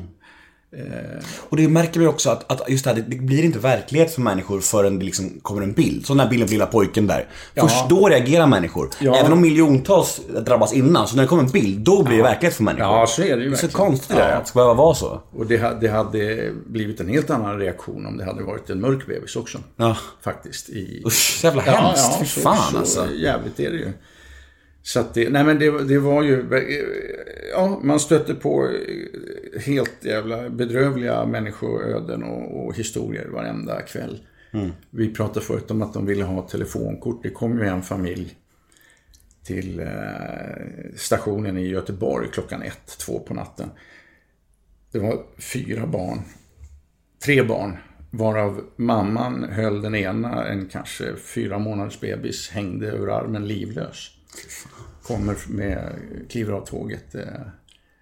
Och så då var det ju verkligen ringa efter ambulans och läkare fort som fan. Och så försvann de ut med, till ambulansen utanför mamman och bebisen. Och eh, sen kom det en ambulans till. Och då höll de på med, alltså det stod, luften stod still på centralstationen därför att då, då eh, kände alla av situationen. Eh, Det var hemska tio minuter kanske, eller tre, jag kommer inte ihåg. Men efter en stund hörde vi barnskrik. Så då fick de fart på bebisen. Och, eh, men då, tjoff sa det, så försvann de. De ägnade sig väl åt första hjälpen där och så fick de eh, livstecken och då drog de till sjukhus med barnet och mamman. Kvar står en pappa klockan ett på natten med två barn till, småbarn. Och vet nu inte, var tar hon vägen? Var hamnar min fru? Och sen skulle det gå en buss till Migrationsverkets eh, flyktingmottagning och den hoppade jag ju på och åkte med ut. Och där står då en man på gatan utanför. Den här tvååringen, två fyraåringen, ligger på asfalten och sover därför att det är fullbelagt. Det finns ingenstans att gå in. Det här var ju september, det var ganska kallt på nätterna. Där står en man med sina två små barn som ligger och sover. En ligger och gråter och en ligger och sover på asfalten. Och han vet inte, var är min fru? Lever mitt andra barn som åkte iväg? Han vet ingenting. Nu hade vi med oss folk som eh, kunde tolka och prata och till slut så småningom Head over to Hulu this March, where our new shows and movies will keep you streaming all month long. Catch the award winning movie Poor Things, starring Emma Stone, Mark Ruffalo, and Willem Dafoe. Check out the new documentary, Freaknik The Wildest Party Never Told, about the iconic Atlanta Street Party. And don't miss FX's Shogun, a reimagining of the epic tale, starring Anna Sawai. So, what are you waiting for? Go stream something new on Hulu. kanske klockan fyra, fick han veta var de befann sig och att de kommer eh, imorgon eller övermorgon eller något. Men, det var ju ett antal timmar, han inte, han är, de vet ju inte riktigt vilket land de har kommit till. Så Sverige, vad är det? Och helt plötsligt, ja, Göteborg, vad är det? Och helt plötsligt stå ensam med, med och inte, alltså halva familjen åt ett håll och den andra halvan åt andra hållet och inte ha någon möjlighet, alltså språkmässigt heller. Det, det är ju en sån här jävla Surrealistiskt situation. alltså. Ja, ja, ja. Då är det inte konstigt att man, att man gråter på kvällen kanske. Nej, nej, men det var... eh, För just när man är där så... så ja, det, det hände kanske när man var där också. Jag gick omkring med jättemycket små barn och bar omkring och sådär. Så att det, eh, men, men man försökte ju väl bita ihop så gott det gick. Du lät väldigt självkritisk tidigare när vi pratade om dina tidigare verk och så här. Eh, hur är det med kritik annars när du arbetar? Du, jag tänker att som skådespelare måste man väl kunna ta kritik, men är det, kan det vara jobbigt ibland att få kritik? När du, du själv tycker att du är duktig, om regissören säger Ja, jag har det så här istället. Kan det vara jobbigt då? Eller, kan det liksom, eller, eller är du bara professionell där? Allt totalt? Ja, om regissören säger något eh, Ja. så är jag professionell. Det kan aldrig vara jobbigt att säga att det är du så här. Nej, Nej. Eh, det kan väl... eh, Har väl hänt eh, kanske att vi har eh, sagt upp gemenskapen efter eh, några dagar. På riktigt alltså? ja, ja, för fan. Åh jävlar. För att ni är så oense om vad som var bra eller? För att Ja, typ så här. Eh, ja. Åh gud, kan du ge, ett exempel, snälla? Ja, ja, ja. Nej, men någon attityd. Alltså, ja, ja. När folk, jag har ju jävligt svårt för, för eh, människors, för maktmissbruk. Maktberusning. Och, ja. Ja. och det där är man ju tyvärr ständigt utsatt för i, i mitt jobb. Nu Mm. har jag hållit på så jävla länge och så pass etablerad så att de är ju ganska försiktiga med mig. Mm, jag tänker ja, det. Ja. Eh, och Sen kan du säga har- ifrån också. Du kör, du måste Ja, ja, ja, ja. Och jag menar, det, i slutändan så, så är det ju så pass otäckt att det är jag som har makten. Mm. Har jag, gör jag en stor roll och säger så här, nu gör ni som jag säger, annars så åker jag härifrån. Mm. Då sitter ju alla i skiten. Då är det bara att göra det. Vilken jävla frihet att ha det så. Ja, ja. Sen får man ju inte utnyttja det. Nej. Alltså, förrän det, det är det jag menar, då har ju verkligen saker kommit till sin spets. Mm. Men, eh, nej men vi hade, hade någon regissör, jag kommer, ihåg, fan, kommer faktiskt inte ihåg vad han hette, när vi gjorde Mäklarna. Mm. Och vi, det var ju 12 avsnitt och vi skulle hålla på i 12-14 veckor, vad fan det var. Mm. Och andra veckan vid något tillfälle, han, hade inte gjort, han hade gjort en grej på TV förut. Och då, det här är ju 10 år sedan, jag hade väl gjort 100 filmer kanske eller något vid något tillfälle, vi skulle, de skulle byta kameravinkel, det var någon åkning, vi skulle gå fram till någon bil, jag och Cecilia. Och så sa, han, ja men ni, ni kan börja vid den och den repliken, för vi kunde börja mitt i scenen, för att den kunde ändå inte klippas eh, tidigare. Och så säger jag, men vi kan, vi kan backa ett par repliker till så, så får du lite bättre klippmån i... Och då säger sa han så här, liksom, ja, det här är jag som bestämmer, jag har gått filmskolan. Jag kan tänka mig hur du reagerade då verkligen. Ja. Åh shit, Så vad roligt. Det skulle kanske ha gått några dagar till då. Sa du så? Ja, ja, ja. underbart. Fantastiskt. Sen var ju det samarbetet liksom kört. Eh, Jag hade velat vara där då. Fy fan. Ja. Det fantastiskt. Det skulle någon filmat upp på YouTube. Ja, Det ja, var ja, en ja, klassiker. ja, precis. Ja, ja, för fan. Nej, men så är, sen är det ju, det, det är klart att man... Eh, men jag, jag kan ju använda det jag har gjort i ganska många år till att... Eh, därför att man, dels har jag ju en viss respekt idag efter alla år.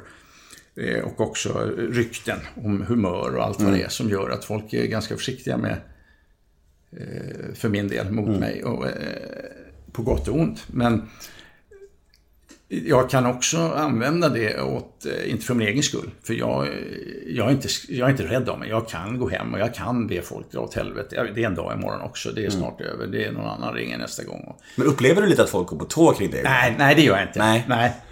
Skönt. Det kan Ja, vara lite ja, jobbigt. Nej, men det är jobbigt. Ja, Eh, ja, fattar. Eh, så att säga, men... men ehm, så man, man får ju inte utnyttja det där i, Nej, det i onödan balans det verkligen behövs. Precis. Men eh, det är också en, eh, ett läge där jag kan kliva in och hjälpa andra. Mm. Ofta är det ju så att tyvärr att kvinnor är lite sämre behandlade, sämre löner och lite eh, sämre behandlade och eh, statister och ena med andra. Jag säga, hallå nu skärper vi till oss här, vi vill ju försöka vara lite artiga mot folk.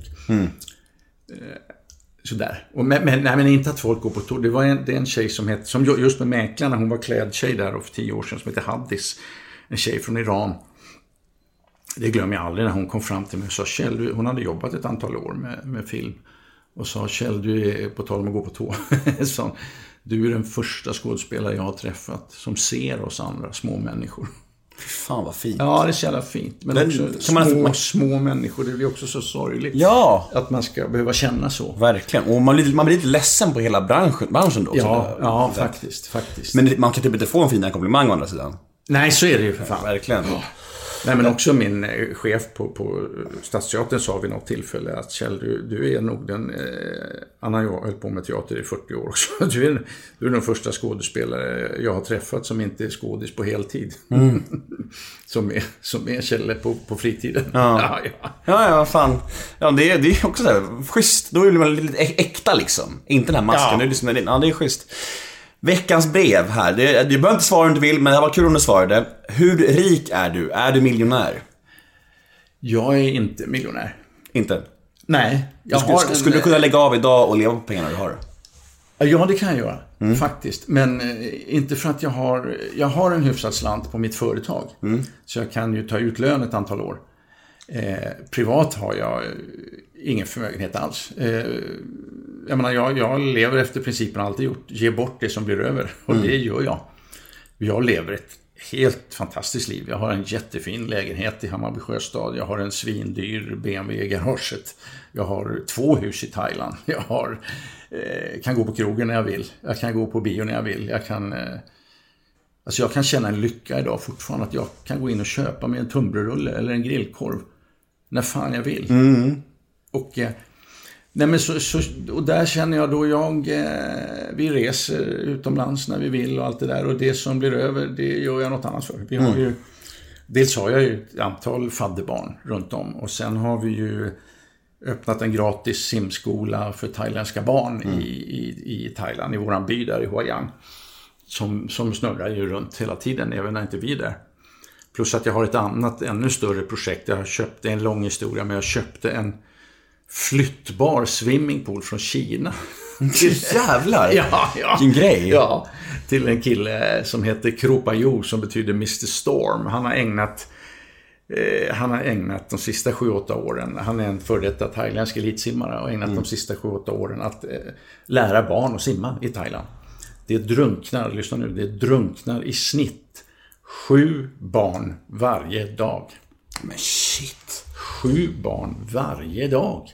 Det är Och då alltså. säger de flesta, ja det är havet och de kan ju inte simma och hemskt. Nej, men det är inte så många som drunknar i havet, för det vet de att det är farligt. De drunknar i dammar och kärr, floder, det är vattentäkter fan överallt i Thailand. Och ingen kan simma. Shit vad sjukt. Det vet ju ingen om. Det här är så sjukt. Det här visste inte jag om. Nej, nej, nej. Är- Nej, nej men de flesta blir jätteförvånade. Tycker Ja. Det är klart att de kan simma som bor vid havet och bla bla bla. Men när vi startade det här, det var min frus idé för ett par år sedan. Eh, så, så tänkte jag också, vad fan, ja, jag har varit i det här landet i 30 år. Jag var där 1985 första gången och jobbade, var där flera månader. Och det är ju en av världens pooltätaste länder. Och jag tänkte så här, vad fan, jag har aldrig sett under de här 30 åren, jag har aldrig sett en enda thailändare i en swimmingpool. Nej. Nej. Det är pooler överallt, men de har inte tillträde dit. De får komma och städa sen när vi har badat färdigt. Och våra ungar kan ligga på en luftmadrass och käka glass hela dagarna. Så att eh, det, och det är jävligt uppskattat. Och just den här flyttbara poolen är så jävla kul. För han, den här killen nu, Kropajo, han eh, reser runt i Thailand. Så ställer han upp den där. Den är 5 gånger 10 meter och 1,20 djup.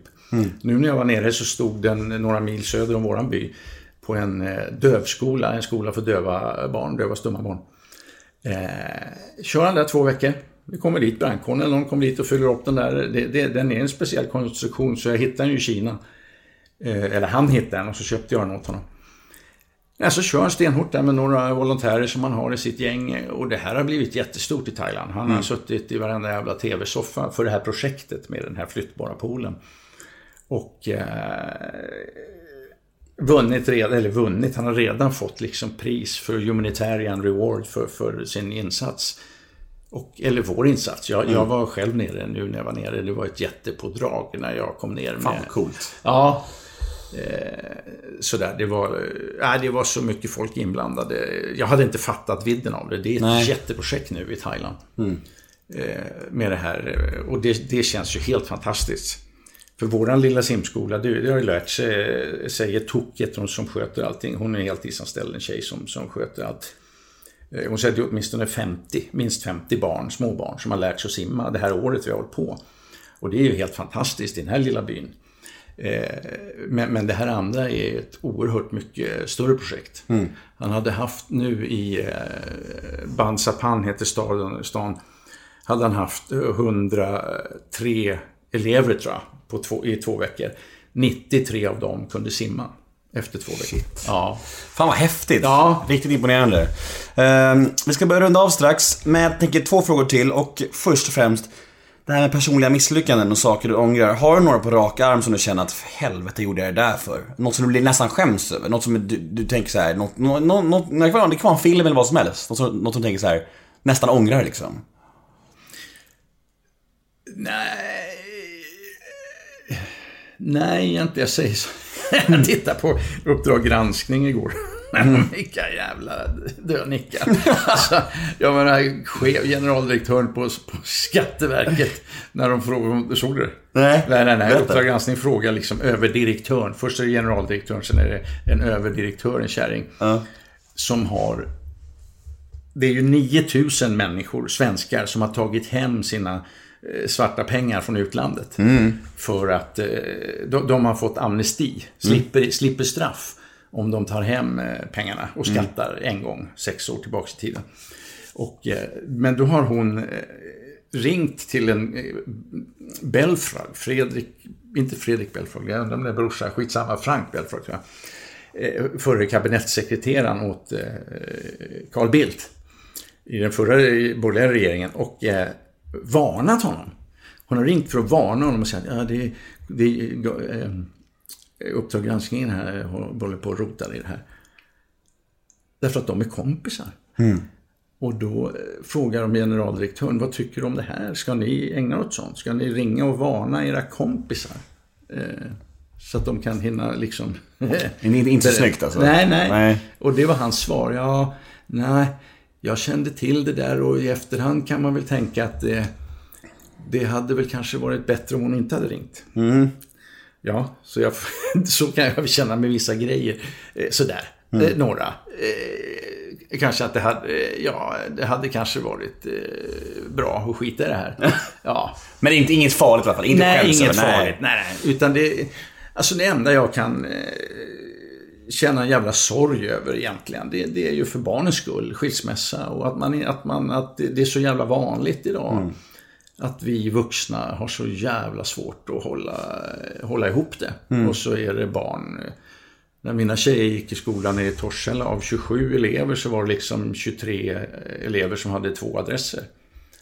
Som bor varannan vecka. Och det är ju aldrig något kul för något barn. Varför tror du att det är så svårt att hålla ihop ett äktenskap länge? Och vad tror du är nyckeln till att faktiskt göra det?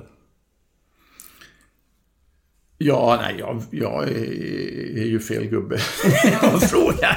Men, nej men, eh, det är klart att alltså, det, det är ju ett jävla stresssamhälle idag och alla ska göra karriär. Eh, och det går ju inte ihop riktigt. Nu har jag ju varit jätteambitiös med de här tjejerna, Sandra och Nathalie som nu är 26 och 21.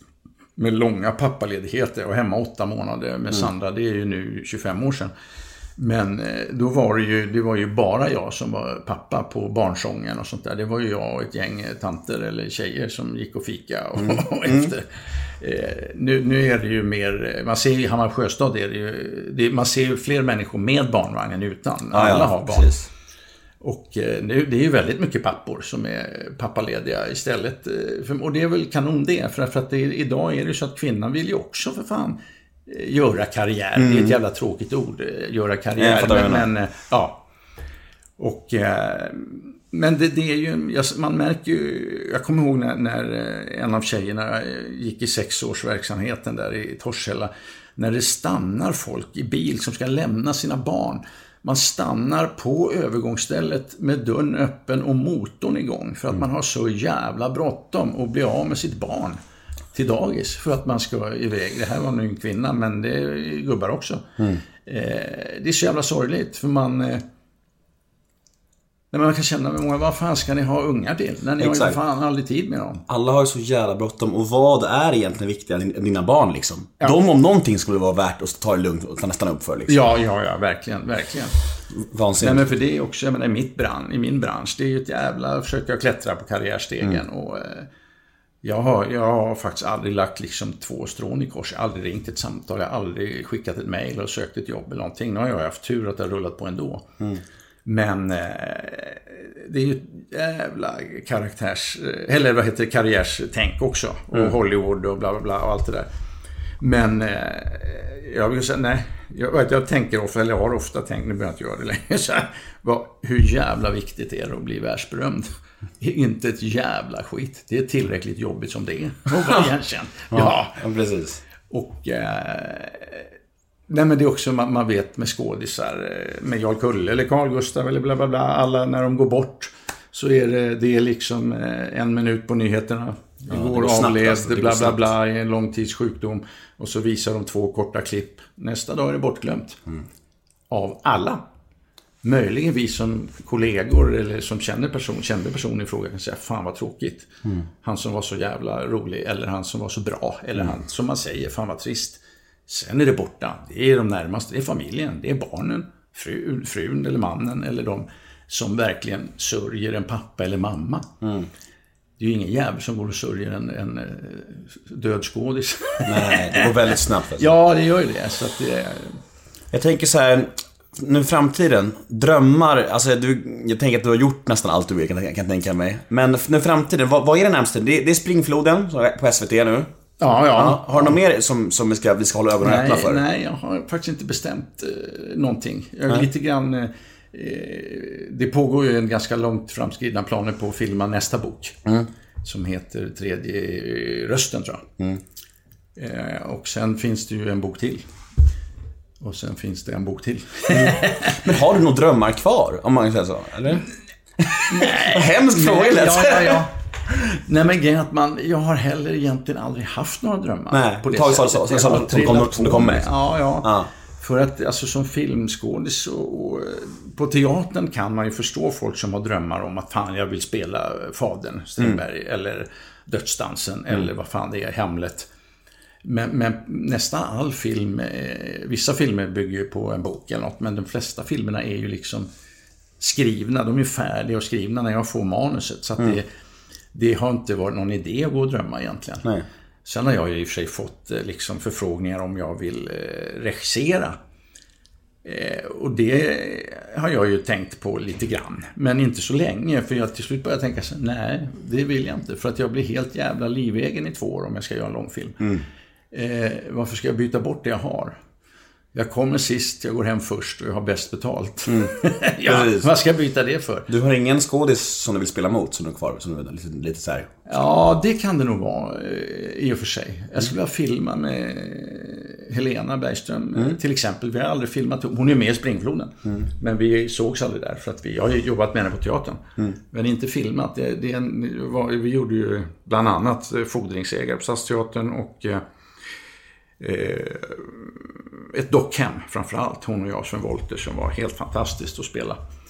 Eh, Så hon var jävligt rolig att spela med på teatern och det är en eh, fantastiskt kreativ och bra eh, tjej. Härligt. Som jag gärna skulle göra en stor filmroll. Men sen har jag en, en, en, en historia med, med Colin. Så han eh, kommer nog inte ringa mig. Kan du inte berätta historien? Eller är det, är det privat? Nej. Ja, nej då för fan, jag kan berätta. Eh, Det, jag berättar om den i boken också. Eh, Vi höll på med ett projekt där, just Fordringsägare på Stockholms stadsteater. Vad är det nu då? Fem, sju år sedan också kanske. Det hände tydligen mycket där. Men eh, vi skulle göra en långfilm ihop, eh, han, Helena och jag och Filip Sandén. Där, som byggde på Fordringsägare Strindbergs under våra, den skulle utspela sig dels under våra repetitionstider och eh, så att Stadsteatern var inblandade och eh, allt det där. Det, det var en ganska eh, fantastiskt rolig idé och roligt gäng och allt det där. Men sånt där, det händer jävligt ofta. Det snackas jävligt mycket. Mycket snack och lite verkstad är det. I, med, det är jättemånga folk som har eh, filmidéer och bla bla bla. Det, det är man van med. Att det snackas ett tag och sen rinner att det ut i sanden. Fattar. Men man, när man kommer till en vi- viss gräns, nu börjar jag avsäga med så mycket andra eh, intressanta saker så att nu vill jag faktiskt veta, ska vi filma eller inte? Och eh, då var det så, ja ja för fan, det är, vi ska köra i april, bla bla bla. Sen jobbade jag ihop med Filip och Helena på teatern. Och sen började vi hamna i ett läge, Filip sa, nej nu måste vi börja fan med mig, annars så kan inte jag, för jag har andra uppdrag eh, sen. Och då snackade jag med Colin och sa, nu är så här, jag eh, måste få veta, ska vi börja eller ska vi inte? För jag har två andra jättespännande jobb. Och det var, ja för fan, jag ringer imorgon. Och så ringer han och säger, ah, nej det blir inget. Jaha, men eh, då får du nu, nu har det gått så jävla långt så nu får du nu skicka hit mina pengar. För att nu har jag hunnit tacka nej till så jävla mycket annat och eh, helt plötsligt står jag här i april och inte vet vad jag ska göra. Jag ska också försörja mig. Eh, ja, då, då, och då var det den attityden, ah shit happens. Ah shit happens. Fy. Och då är det så att jag var med i Collins första tv-serie han gjorde i, som heter Annika här för 25 år sedan. Och sen har jag stött på honom under årens lopp och det har alltid varit ah Kjelle du är så jävla bra, bla bla bla, vi måste jobba ihop och bla bla. Så mycket snack och ingen verkstad. Nu skulle det bli verkstad, men det visade sig här också att det var bara snack. Och eh, för att göra historien eh, inte för lång så eh, gick det ända fram. Jag skaffade en advokat. Och eh, la, la fram papperna på bordet och sa jag, du sätter in de här pengarna på mitt bankkonto imorgon klockan tre. Annars åker det här in till tingsrätten och då vet vi båda vad som händer. Eh, så då fick jag mina pengar. Hur mycket rör det sig om? Ja, ganska mycket pengar. Ja. Okej, häftigt. Ja, ja. Men eh, som sagt, så han... Han ringer nog inte. Nej. Hel- Helena kanske ringer. Ja, ja, för fan. Hörru, tack som fan för att du kom hit. Ja, ja, Inga, det var Va- skittrevligt. Tiden går fort. Tiden går fort. En, Ja, ja, ja. En, en och en halv timme satt vi här. Är det sant? Ja, det är helt sant. Åh, jävlar. Eh, jag heter Nemo Hedén och hashtaggen är NEMOMÖTER. Ja, det är jag. Tack Kjell Bergqvist. Ja, tack själv. Det var skittrevligt och kaffet smakar bra. Ja. Hej då allihopa! Hej!